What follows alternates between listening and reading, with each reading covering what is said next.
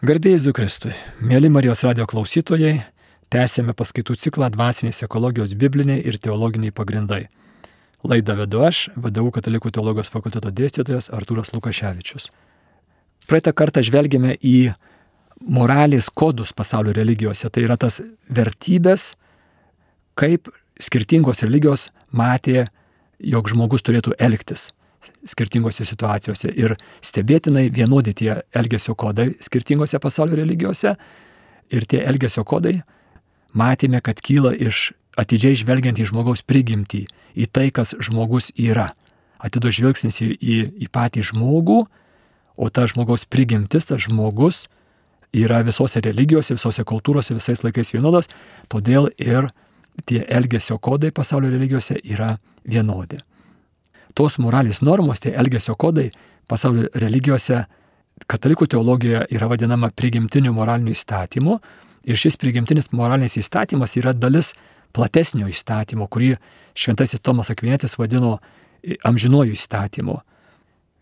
Kataliko bandžių katekizmas e, tą amžiną įstatymą vadina kūrinios tvarka. Kas tai yra tas amžinasis įstatymas?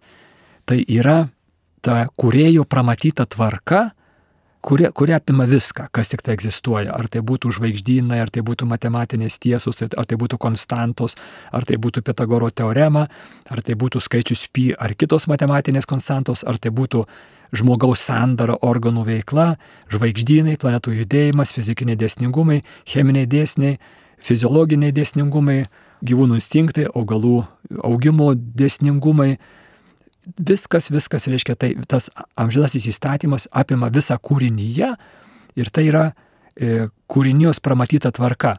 Šventajam Tomui įstatymas pirmiausia yra ne nurodymas e, kažkokio tai įstatymdavio, bet yra tvarka, tas principas, pagal kurį viskas sukonstruota būtų. Tai va, šita, šita va prasme tas amžinasis įstatymas, reiškia, jisai reglamentuoja e, kurėjo, kurėjo, reiškia, pramatymą, kad, kad dalykai būtų taip, kaip jie yra, o ne kitaip. Iškia, kad būtų e, viskas, kas egzistuoja, va taip, taip ir būtų. Tai tas amžinasis įstatymas ir jo dalis yra e, priimtinis moralinis įstatymas. Tai yra žmogaus e, moralinį elgesį reglamentuojanti tvarka. Iškia, tai yra įrašyta žmogaus prigimtyje Ir už tai skirtingų kultūrų, skirtingų laikmečių, labai skirtingų religijų žmonės turi iš esmės tą patį moralinį kodą, kurį klasikinė teologija vadina prigimtiniu moraliniu įstatymu. Naudojantis Švento Tomo Kviniečio amžino įstatymo šitą sampratą, mes galime dabar matyti ir palyginti gamtos ekologinės nelaimės su dvasinėmis ekologinėmis nelaimėmis. Štai šitų paskaitų ciklo kuris vadinasi dvasinės ekologijos e, bibliniai ir teologiniai pagrindai. Tai tas žodis, kodėl, kodėl čia naudojama žodis ekologijos? Todėl, kad yra labai artima sąsaja, pan, analogija, panašumas su gamtos ekologija. Kada kyla gamtos ekologinės nelaimės? E, kai pažeidžiami gamtos dėsniai. Žmogus elgesi taip, tarsi tie dėsniai neegzistuotų arba priklausytų nuo žmogaus norų. Prisimenam sovietmečio tie, kas vyresnio amžiaus esame, Reiškia, tas žmogus drasus gamtos užkariautojas. Jisai, reiškia, jisai primeta savo valią gamtai, su galinga technika ateina ir pavergia gamtą. Ir iš to, iš to nieko gero neišėjo. Gamta buvo suniokota ir, ir reiškia, paskui žmogus taiga pamato, kad ne, ne taip reikia prieiti prie gamtos. Turi žmogus prieiti prie gamtos su, su gilia pagarba ten esantiems dėsningumams, įsiklausyti tos dėsningumus, nes suniokos gamta ir ta gamta atsigręš prieš patį žmogų. E, du tokius pavyzdžius duosiu to tokio žmogaus savavališko, e, tokio ne, ne, nu, netinkamo elgesio su gamtoje esančiais dėsningumais.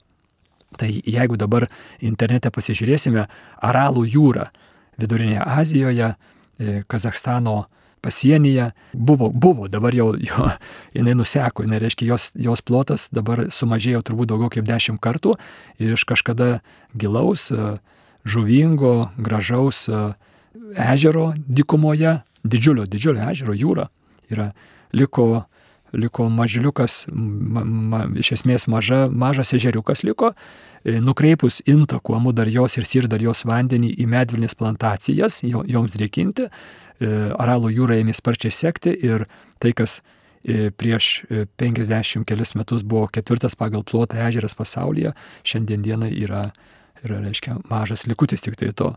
Tai tas, tas sovietinis užmojas užkariauti gamtą, neatsižvelgiant į gamtoje esančius dėsningumus, reiškia, veda prie gamtos ekologinių nelaimių. Kitas pavyzdys, kurį parinkau, būtų prieš 70 e, metų, 1959-61 metais, Kinijoje įvykęs milžiniškas badas, e, Kinijos diktatorius Mao Cedunas Kinijoje pradėjo didžiojo šuolio pirmin politiką. Ir vėl, kaip sakant, atidžiai neįsiklausius į gamtą, paviršutiniškai, buvo nuspręsta, kad Kinijoje dėl maisto stokos yra kalti žvirbliai, kurie neva sulesa visus ryžius ir tuos žvirblius reikia sunaikinti.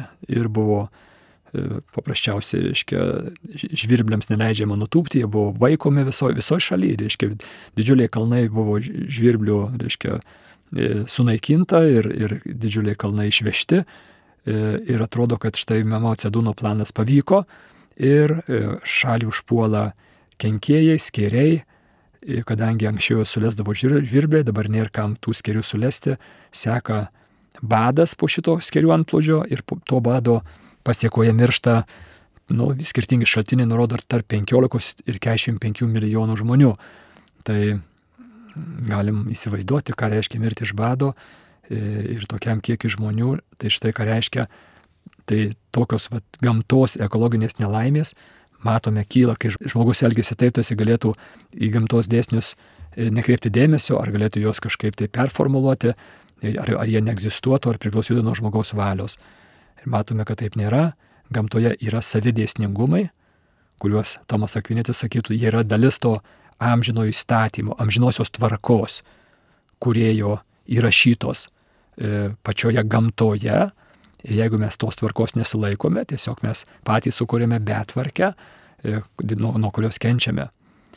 Tai panašiai galėtume sakyti, kad e, analogiškai galėtume žvelgti į dvasinės, į mūsų dvasinę prigimtį, į žmogaus sielą, į tą dvasinį pradą, kuris irgi yra kurėjo sukurtas ir jame įrašyti tam tikri dėsningumai. E, tuos sieloje įrašytus dėsningumus mes galime pažeisti, jeigu elgsimės su jais taip, tarsi jie neegzistuotų arba jie priklausytų nuo žmogaus valios ir norų.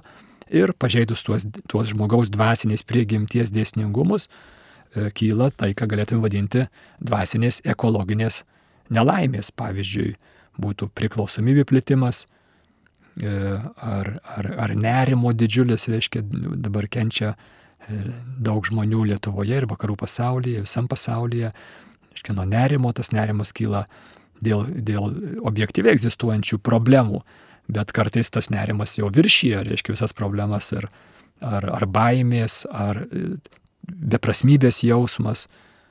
Jeigu dar nerimą galime suvesti į, į karą, į karo pavojų, ar, ar COVID e, baimė, e, tai, tai beprasmybės tas jausmas, gyvenimo tuštumo jausmas, kuris kankina didelę dalį vakarų visuomenės būtų kažkas susijęs su mūsų dvasinė e, prigimtimi, su mūsų dva, netvarka mūsų sieloje.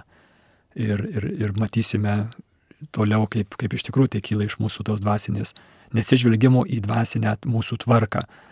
Vėl kreipiu jūsų dėmesį į tai, kad Tomas Akvienis kalba apie amžinąją, amžinąją įstatymą arba amžinąją tvarką kaip apimančią visą kūrinyje. Tai reiškia tame tarpe ir materialiąją, ir dvasinę kūrinyje. Ir, ir žmogus, kadangi jisai vienu metu priklauso šitiems abiems pasauliams, mes per savo fizinį kūną esame materialaus pasaulio dalis ir mūsų kūnams galioja tie patys dėsningumai, e, kurie galioja ir likusiam materialiam pasauliu, tai yra traukos dėsnis, ar ten kokie fiziologiniai dėsniai, cheminiai dėsniai mūsų lastelėje vykstantis ir visi kiti dėsningumai, tai per savo dvasinę sielą mes dalyvaujame dvasinėme pasaulyje, kuriame taip pat yra tam tikri kurėjo pramatyti dėsningumai, tam tikra kūrinijos tvarka toje srityje ir ten esatys, esanti tvarka yra tokia, o ne kitokia. Lygiai taip pat kaip, kaip gravitacijos dėsnis yra toks, o ne kitoks, gravitacijos konstanta yra tokio dydžio, skaičius pi yra, yra, yra toks, o ne kitoks, tai labai noriu kreipti jūsų dėmesį į tą, į tą, reiškia, tą tvarką, tą tuos dėsningumus, kurie nubrėžia ribas. Ir pažeidus tuos dėsningumus, žmogus vienintelis kūrinys materialus, kurį mes žinome, kuris turi galę juos pažeisti, nes visa kūrinyje jų laikosi užprogramuotai. O žmogus vienintelis, kuris turi galę juos pažeisti e, savo laisvą valią ir tada, kai jisai tai pažeidžia, e, atsiranda netvarka, atsiranda žmogus pakenkia pats savo. E, toks, tokia iliustracija būtų. E, mūsų dvasinė siela artimai susijusi su e, psichika. Reiškia, tai psichika ir siela nėra, nėra tas pats, bet yra artimai susiję dalykai. E, ir, ir netgi graikiškas žodis psichė, e, kuris reiškia siela, psichė. Reiškia, ir, ir dabar gyvename tikrai pasaulyje, kuriame labai daug psichės problemų, visokiausių e, psichologinių, psichiatrinių ir emocinių elgesio sutrikimų, reiškia, labai daug yra. Ir didelis klausimas, ir matysime, kad tikrai tas klausimas teigiamai dėja atsakomas, kad mūsų sielos netvarka, mūsų dvasinė netvarka yra susijusi su mūsų psichologinėmis problemomis. Neseniai mačiau oficialią statistiką, rodančią ES antidepresantų sunaudojimą per paskutinius 20 metų, nuo 2000 metų iki 2020 metų, e, tiksliau, e, antidepresantų sunaudojimas ES bendrai imant augo e, kas mėnesį po daugiau kaip procentą. Reiškia, kiekvieną mėnesį išaugdavo 1,2 procento per imant visą ES, kai kuriuose šalyse daugiau, kitose mažiau. E, nu, tai yra vis dėlto epideminio dydžio. Ir čia, kreipi dėmesį, čia nėra e, ne COVID laikas. Čia yra nuo 2000 metų iki 2020 metų, per tą laikotarpį tas augimas, e, nu, tai rodo jau didelę, reiškia, epideminę problemą, reiškia, psichė srityje. Ir, ir mes, krikščionys, keliam klausimą, ar čia nebus kažkas tai netvarkoj su mūsų dvasiniu pradu. Ar nėra taip, kad kažkokia reiškia betvarkė, dėsningumų nesilaikimas dvasinėme prade, e, susijęs su šita, su šita bėda mūsų psichologinėje plotmėje. Tai šitas e, paskaitų ciklas bus didelė dalimi apie tai. Toliau žiūrėsime į Bibliją. Kaip šventasis raštas apibūdina šitos dalykus, apie ką mes kalbame. E, pirmieji trys pradžios knygos skyriai yra ypatingai mums svarbus. E, tokios krikščioniškosios biblinės antropologijos, reiškia, čia pagrindas yra žmogaus, kas mes esame, tai giliausia, giliausios tiesos yra užrašytos šituose pirmuosiuose skyriuose. Dabar tie skyriai, pirmieji pradžios knygos skyriai, 11 skyrių iš tikrųjų, yra parašyti tokiu labai specifiniu pasakojimo žanru, kuris nėra istorinis pasakojimas, o yra, yra labai stipriai simbolinis pasakojimas. Mes esam pripratę prie istorinio pasakojimo, kuris atsako į klausimus, kas, kur, kada, kaip, ką veikė. Iškia, tai vat, mūsų tas toks istorinis pasakojimo žanras yra įprastas. Ir dažnai žmonės e, nusivilia išgirdę, kad, kad e, sakykime, pirmieji trys skyriai, pasakojimas apie sukūrimą, du pasakojimai, nuopolio pasakojimas, toliau esantis Kaino ir Abelio istorijos pasakojimas e, ir Nojaus tvanas ir kiti, kad tie, tie tekstai yra neistoriniai. O kokie yra? Jie yra simboliniai ir jų tikslas nėra atsakyti į istorinius klausimus, kas, kur, kada, kaip, ką veikė, bet jų tikslas yra atsakyti į kilmės, prasmės ir tikslo klausimus. Tai yra iš kur dalykai atsiranda, į kur dalykai juda tikslas. Ir, ir kaip elgtis žmogui tarp pradžios, tarp taško A ir taško B. Kas čia darosi, kaip man gyventi savo dieną. Prasmė. Kokia yra prasmė, kokios prasmės man reikia, kokio tikslo man siekti reikia. Ir to tikslo siekimas ir, ir įprasmina mano šią, šią dieną. Tai va šitie, šitie pasakojimai yra labai vertingi, nemažiau vertingi už gamtamokslinius, netgi daugiau. Nes joks gamtamokslis neatsako į klausimą, kodėl žmogus gyvena šioje žemėje. Arba iš kur žmogus ateina. Arba kas vyksta po mirties. Tie klausimai nėra atsakomi gamtos mokslų metodu. E, gamtos mokslai čia, čia jeigu sažini, jeigu mokslininkas e, kompetitingas ir sažiningas, jis pripažįsta savo ribą ir sako, reiškia, mano metodas čia baigėsi, aš negaliu pasakyti, kas, reiškia, su žmogum darosi po jo mirties. Mes matom, kad jo kūnas suyra, bet ar, ar tai jau viskas ar ne viskas, gamtamokslis neatsako. Reikalingas kitas metodas. Ir štai e, pradžios knygos pirmieji tie, tie 11 skyrių parašyti tuo simboliniu pasakojimo žanru. Galima būtų palyginti su kokiu nors poetiniu tekstu, pavyzdžiui, e, Salomijos nėries e, e, eilėraštis bėga ragana per sniegą, nepalikdama pėdų. Ir juk visi suprantam puikiausiai, kad čia neprašomas koks nors atvejis, kur kažkokia tai ragana bėgo per sniegą, nepaliko pėdų ir galima kelti klausimus, kuriuo paros metu jinai bėgo, ar, ar kokioj, kokios apylinkėse, ar, ar prie Šiaulių, ar prie Marijampolės bėgo, reiškia, čia, čia tie klausimai visiškai nedekvatus būtų, nes, nes poetė norėjo pasakyti visai ką kitą. Ir kai kartais e, sovietmečiai ypatingai būdavo šaipomas iš šventojo rašto, reiškia, e, sakant, haha, Dievas e, šventam rašte sukuria pasaulį per šešias dienas, o mes dabar žinom, kad buvo kuriama e, reiškia, kad, kad mes žinome, kad pasaulis formavosi visą tą formavosi milijardus metų, tai, tai yra neatsižvelgiama į, į, į žanrą.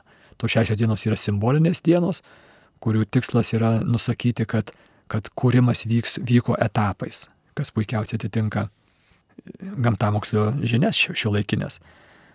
Na štai, tai tie dabar žiūrėsime į pirmosius du pradžios knygos skyrius, kurie duos svarbės biblinės įžvalgas apie tai, kas yra ta žmogaus prigimtis.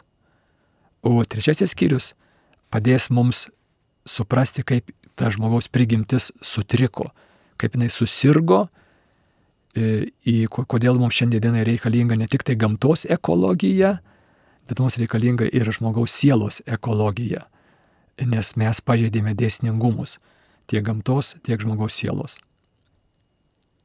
Taigi, e, žvelgiame į pradžios knygos e, pačias pirmasias eilutes. Paskaitysiu keletą ištraukų. E, pradžios knygos pirmos skyrios, pirmosios dešimt eilučių. Pradžioje Dievas sukūrė dangų ir žemę, o žemė buvo padrika ir dyka, tamsa gaubė bedugnę ir dvasia iš Dievo dvelkė viršum vandenų. Tuomet Dievas tarė, te būna šviesa. Ir šviesa pasirodė. Dievas matė, kad šviesa buvo gera ir Dievas atskyrė šviesą nuo tamsos. Dievas pavadino šviesą diena, o tamsą naktimi. Atėjo vakaras ir išaušo rytas, pirmoji diena. Dievas tarė, te būna skliautas tarp vandenų ir te atskiria vandenis nuo vandenų. Dievas padarė skliautą ir atskyrė vandenis buvusius po skliautu nuo vandenų buvusių viršum skliauto. Taip ir įvyko. Dievas pavadino skliautą dangumi, atėjo vakaras ir išaušo rytas, antroji diena. Dievas tarė, te būna sutelkti vandenys po dangumi į vieną vietą ir te pasirodo sausuma. Taip ir įvyko. Dievas pavadino sausumą žemę, o vandenų telkinį jūromis ir Dievas matė, kad tai gera.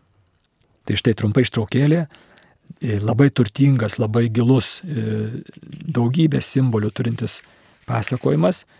Ką norėčiau akcentuoti iš to, kas mums rūpi šitame dvasinės ekologijos paskaitų cikle visa, kas egzistuoja, yra Dievo sukurta.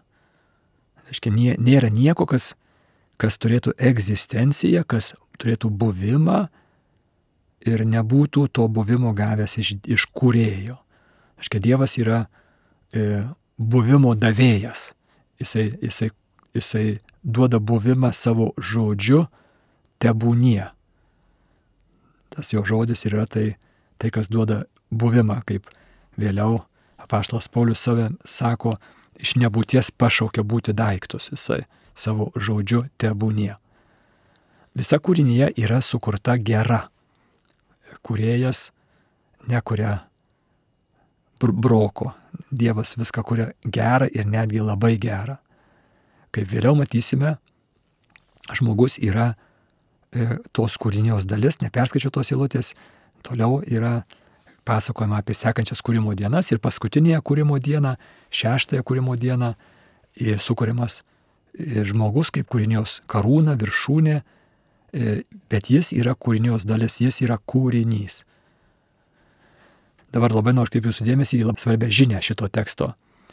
Būti kūriniu tai reiškia būti ribotu. Dievas kuria, nubrėždamas ribas. Dar kartą skaitau tą tekstelį, e, atskiras eilutes. Ketvirtoji.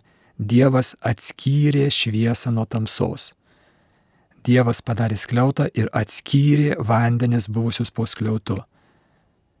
Dievas tarė, te būna sutelkti vandenys po dangumi į vieną vietą ir te pasirodo sausuma. Kūrimo procesas vyksta e, brėžiant ribas. Dievas yra, kuriejas yra ribų brėžėjas, jisai atskiria e, vienus dalykus nuo kitų ir ta vat, riba ir yra tai, kas, kas, kas kuo sukūriamas kūrinys. Reiškia, būti kūriniu tai reiškia būti kurėjo apribotu. E, kuriejas brėždamas ribas atskiria, e, reiškia, duoda buvimą kūriniams. Tos ribos ir kurėjo nubrėžtos ribos e, ir, ir, reiškia, ir yra tai, kas, kas duoda buvimą kūriniui. Neįmanoma, vienintelis neribotas yra Dievas kūrėjas, o būti kūriniu tai reiškia būti apribotu, tai reiškia būti tokiu, o ne kitokiu. O tas mano buvimas tokiu, ne kitokiu, bet kurio kūrinio buvimas tokiu, ne kitokiu, reiškia, ta vat, riba, kuris skiria mane kaip tokį nuo, nuo, nuo to, koks aš nesu. Ar, ar tai būtų žmogus kūrinys, ar tai būtų žemė, ar tai būtų gamtos dėsniai, gravitacijos dėsniai, ar tai būtų fiziologiniai dėsniai, ar tai būtų gyvūnų e, instinktai, ar fiziologija, ar kažkas tai.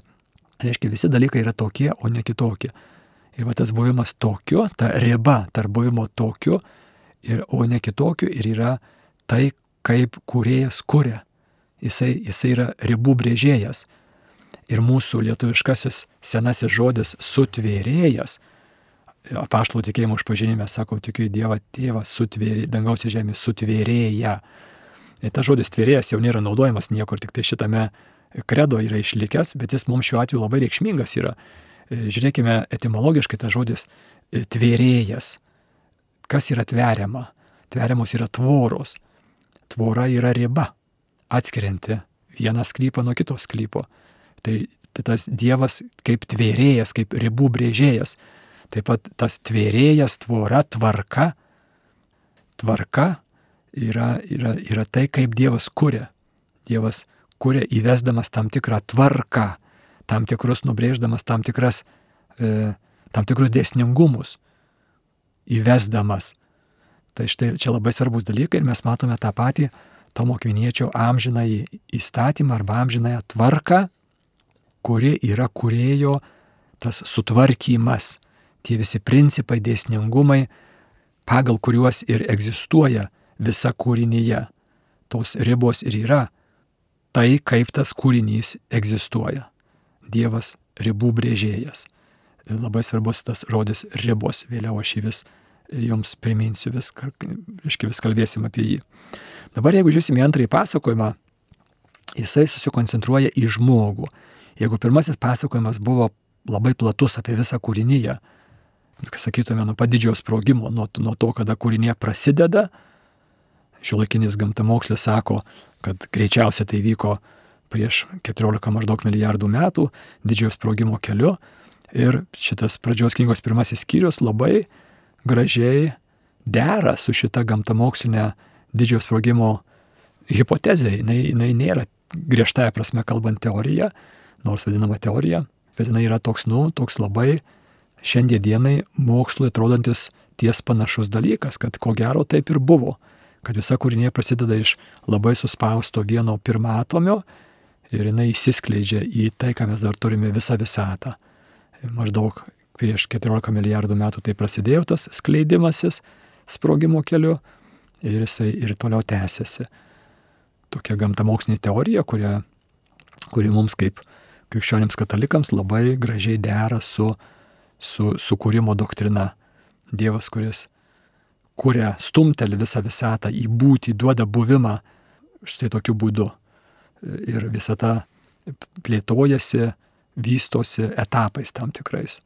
Tos šešios kūrimo dienos gražiai atspindi tuos gamtamokslio mums šiandien pateikimus etapus. Dabar antrasis sukūrimo pasakojimas pradžios knygos antrajame skyriuje aprašytas, dėmesį sutelkia į žmogų, Raktinė frazė yra tas žmogaus sukurtumas bendrystėj. Tai, kad žmogus yra bendrystė sukurta būtybė. Gabalėlį paskaitysiu iš šito antros skyrios nuo 15 iki 25 eilutės fragmentų skaitysiu. Viešpats Dievas paėmė žmogų ir apgyvendino jį Edeno sode, kad jį dirbtų ir juo rūpintųsi.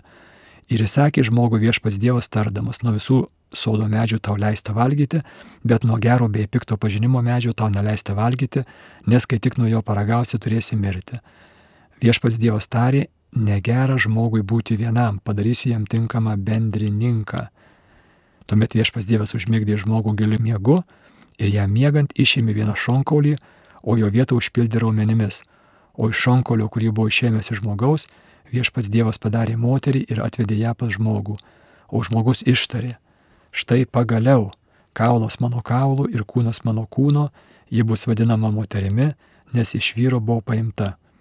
Todėl vyras paliks tėvą ir motiną, glausys prie žmonos ir jie taps vienu kūnu. Jie du buvo nuogi žmogus ir jo žmona, tačiau nejautė jokios gėdos. Tai štai fragmentėliai, keli iš pradžios knygos antrojo skyriaus, pagrindiniai akcentai, kas mums būtų svarbu šitoje, šitoje paskaitoje.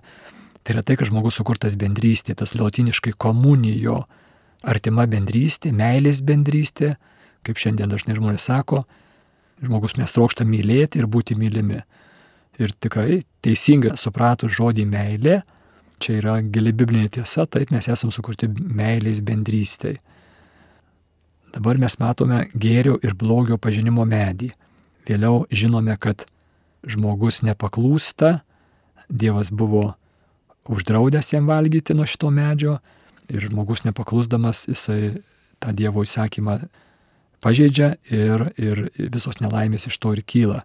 Įvyksta nuopolis per gėrio ir blogio pažinimo medžio vaisiaus valgymą. Kartai žmonės sako, sako, tai kam Dievas tą medį pasodino? Nu, tai be abejo, kad rūpės kažkokį tai uždraustą vaisių paragauti. Pasakyk vaikams, kad neitų kokį nors kambariuką, tai būtinai rūpės pažiūrėti, kas tenais yra. Tai čia labai svarbus dalykas. Gėrio ir blogio pažinimo medis yra simbolis. Mes prisiminkime, čia esame labai labai simboliais prisodrintame tekste.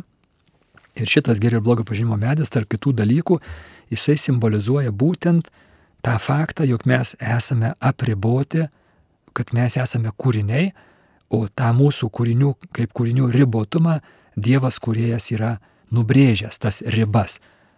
Mes esame tokie, kokius mūsų kuriejas apibrėžė, apribojo, o ne, ne patys tas ribas nustatome.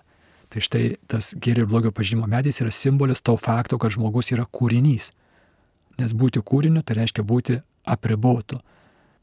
Ir mes iš visų kitų kūrinių, mes vienintelė šitą ribą esame pakviesti gerbti ir jos, jos neperžengti iš pasitikėjimo kūrėjų. Jeigu visi kiti kūriniai, visi gyvūnai, paukščiai, žuvys, augmenyje, negyvoji gamta, kalnai, debesys, upės, viskas yra užprogramuoti per gamtos dėsnius, fizikinius dėsnius, fiziologinius dėsnius, instinktus, jie visi yra užprogramuoti elgtis ir, ir būti taip, kaip kuriejas juos yra numatęs būti kokias ribas, kokius dėsningumus, kuriejas yra įdėgęs, kad akmuo krenta žemyn, o ne aukštyn arba į šoną. Gravitacija ar ir kur. Iškia, tai yra kuriejų tos, tos ribos. Tai vienintelis žmogus yra pakviestas laikyti šitų ribų iš pasitikėjimo kuriejų laisvai ir samoningai. Reiškia, žmogus kviečiamas suprasdamas tas ribas, jų laikytis laisvai pasirinkdamas. Panašiai kaip mama savo paaugliui sūnui galėtų sakyti, vaikeli, tu narkotikų geriau nebandyk. Mama nubrėžė ribą ir, ir sūnus padarys savo didelę paslaugą, tikrai, tikrai savo naudą didelę turės, jeigu jisai šitos ribos neperžengs. Kodėl neperžengs? Tik iš pasitikėjimo mama. Tai štai kokį santykį Dievas kviečia žmogų, šitas, šitas kvietimas rodo kad Dievas kviečia žmogų į pasitikėjimo artimos bendrystės santyki. Žmogus kviečiamas laikytis tų ribų, tų dėsningumų, visų dėsningumų, tame tarpe ir mane apibrėžiantį, žmogų apibrėžiančių dėsningumų, iš pasitikėjimo Dievu. Vienintelė mes galime jų tų dėsningumų galime apsispręsti nesilaikyti. Visa kūrinyje jų laikosi, visa mums žinoma kūrinyje materialioji, nes dvasinėje kūrinyje yra laisvi, laisvę valią turintys kūriniai, angelai, bet iš materialių mes nežinom daugiau, gal yra kokie nors kosminės, kur nors kosmose protingos būtybės, tai galimas dalykas yra, o gal ir nėra. Bet ar, bu, ar yra ar nėra, mes vieninteliai kūriniai šiandien žinome, kurie turim tą vadinamąją laisvąją valią, tai reiškia galimybę kuriejų nubrėžtų ribų ir nesilaikyti. Bet tada Dievas įspėjo, tada jūs mirsite. Tada jūs save pažeisite, savo pakenksite ir e, mirsite. Kitas labai, labai svarbus simbolis yra gyvybės medis. Pradžios knygos antros skyrios devintojo eilutėje iš žemės viešpats Dievas išaugino įvairių medžių, gražių akims ir gerų maistui, su gyvybės medžiu sodo viduryje. Štai tas gyvybės medis, kur vėliau po nuopolio mes matome, kaip Dievas išveja. Dievas atskiria žmogų nuo, nuo sodo, nuo žemiškojo rojaus ir, ir Dievas sako, kad kartais jisai netiestų rankos, nevalgytų nuo šito gyvybės medžio ir negyventų amžinai. Vėlgi labai turtinga simbolika čia yra aspektas, kurį norėčiau kreipti jūsų dėmesį, tas gyvybės medis simbolizuoja mūsų gyvenimo apstą, mūsų gyvenimo pilnatviškumą, tą, tą gebėjimą gyventi pilną gyvenimą.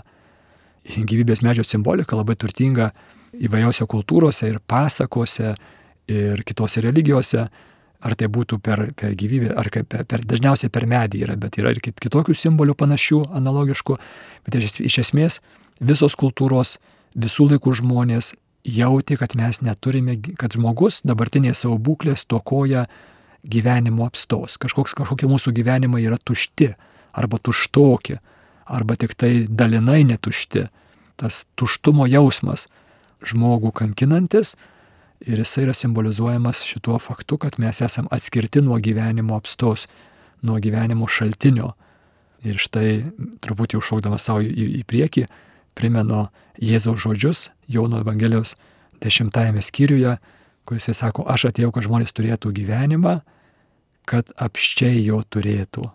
Ir mes jau iš kitos visiškai perspektyvos, iš krikščioniškosios perspektyvos e, matome, kad Jėzus yra tas, tas gyven, gyvybės medis, tas gyvenimo pilnatvės davėjas. Žmogus, turėdamas gyvenimo pilnatvę nepuolusioje būklėje, jisai ją per nuopolį, tuoj matysime, praranda.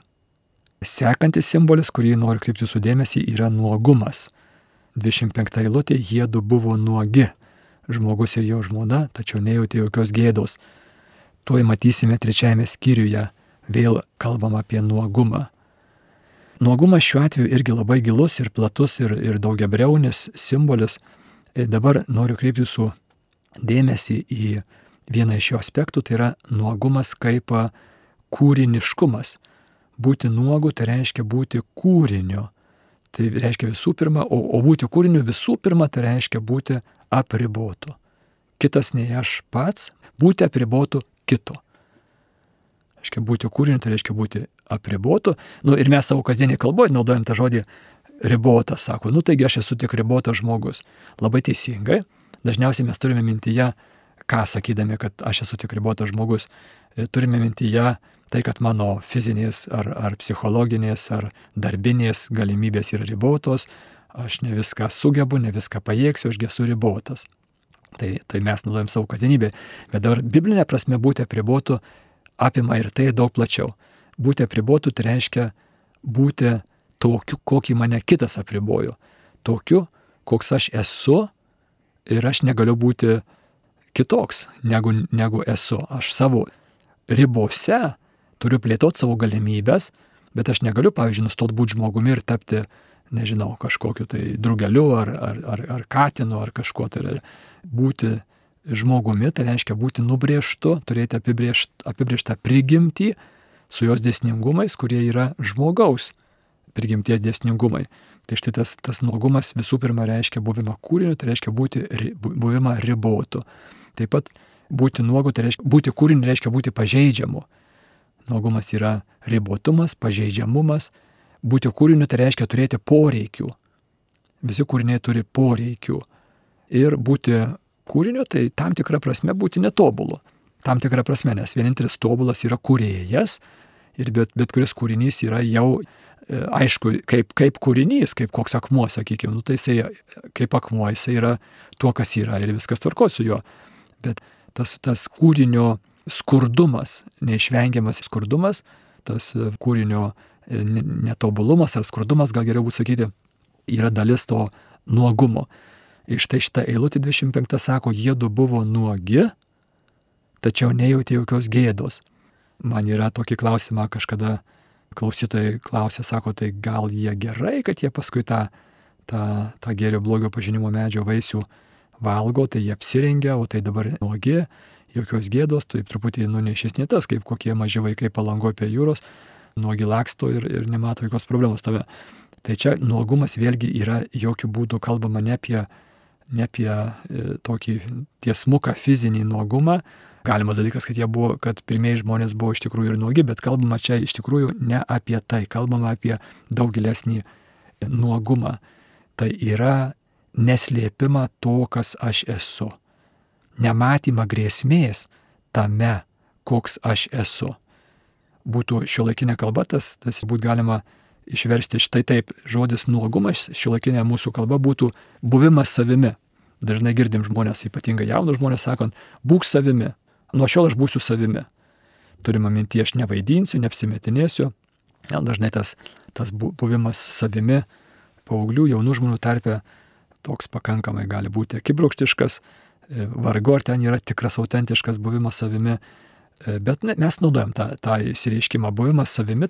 Biblinė kalba būtų neslėpimas savo, savo tikrosios, tikrosios tapatybės, savo tikrojo kūriniškumo tikrai buvimas iš tikrųjų savimi, tik tai perkelti į, į tokią praktinę plotmę, tai labai, labai nelengva, ką reiškia, aš pats vargu ar žinau, kas aš esu, ką reiškia būti savimi.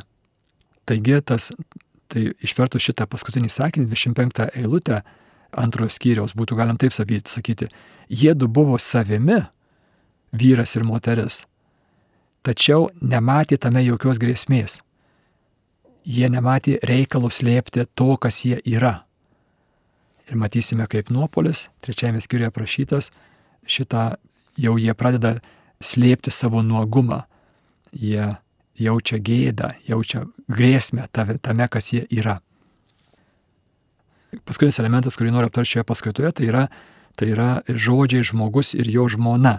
E, skaitant šitą tekstą, antrąjį skyrių, susidaro įspūdis, kad kažkaip tai vyras tai yra žmogus ir tikrai, kai kalbam apie čia minimas žmogus, tai turime minti vyras, o moteris tai kažkaip tai atrodytų, kad gal ne visai žmogus, jinai tai minima kaip žmona, tai moteris, tada, reiškia, klausytojai gali nukilti tokie nesusipratimai.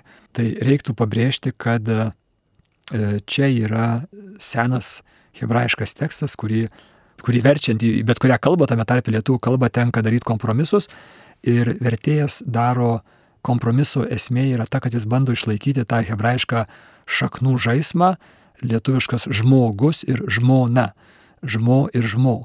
Bet tada neišvengiamai tenka aukoti tą faktą, kad bibliniu požiūriu vyras ir moteris yra lygiai verčiai. Jie abu yra žmonės, yra dvi buvimo žmogumi formos, vyras ir moteris, kiekvienas iš jų yra pilnai žmogus, E, na va, tai šitam e, vertime šitas lygiai vertiškumas gali atrodyti, kad, kad prarastas yra, bet, bet išlaikytas yra tas šakninis panašumas, tas žmo, žmo, žmogus žmona. Reiktų pabrėžti, kad krikščioniškų požiūrių tiek vyras, tiek moteris yra lygus savo verte, tačiau labai skirtingi savo e, buvimu. Būti vyru yra ne tas pats, kas būti moterimi, yra labai skirtingi, jų skirtingumai yra kuriejų specialiai duoti tam, kad jie galėtų vienas kitam kitą apdovanoti. Tuo, ką turi vyras, jisai gali apdovanoti moterį ir labai plačiai. Ir moteris vyrą. Reiškia, mūsų skirtingumai, tame tarp ir mūsų skirtingumai šioje žemėje gyvenančių žmonių mes esame labai skirtingi. Ir kartais gali kilti klausimas, kodėl Nu, kodėl Dievas nesukūrė mūsų su vienodais talentais, su vienodais gabumais, gebėjimais, turtinė padėtimi ir taip toliau. Tai mūsų skirtingumai yra galimybės kitą apdovanoti. Tai, ką tu turi, o aš neturiu, tai aš galiu priimti iš tavęs dovaną, o ko tu neturiu, aš turiu, aš galiu tau padovanoti. Tai yra mūsų neligumai, mūsų e, skirtingumai yra galimybė meiliai. Tai štai vyras ir moteris, kurie, kaip matysime, sukurti labai artimai meiliai, yra Dievo kurėjo pramatymų labai skirtingi, tačiau lygus savo verte.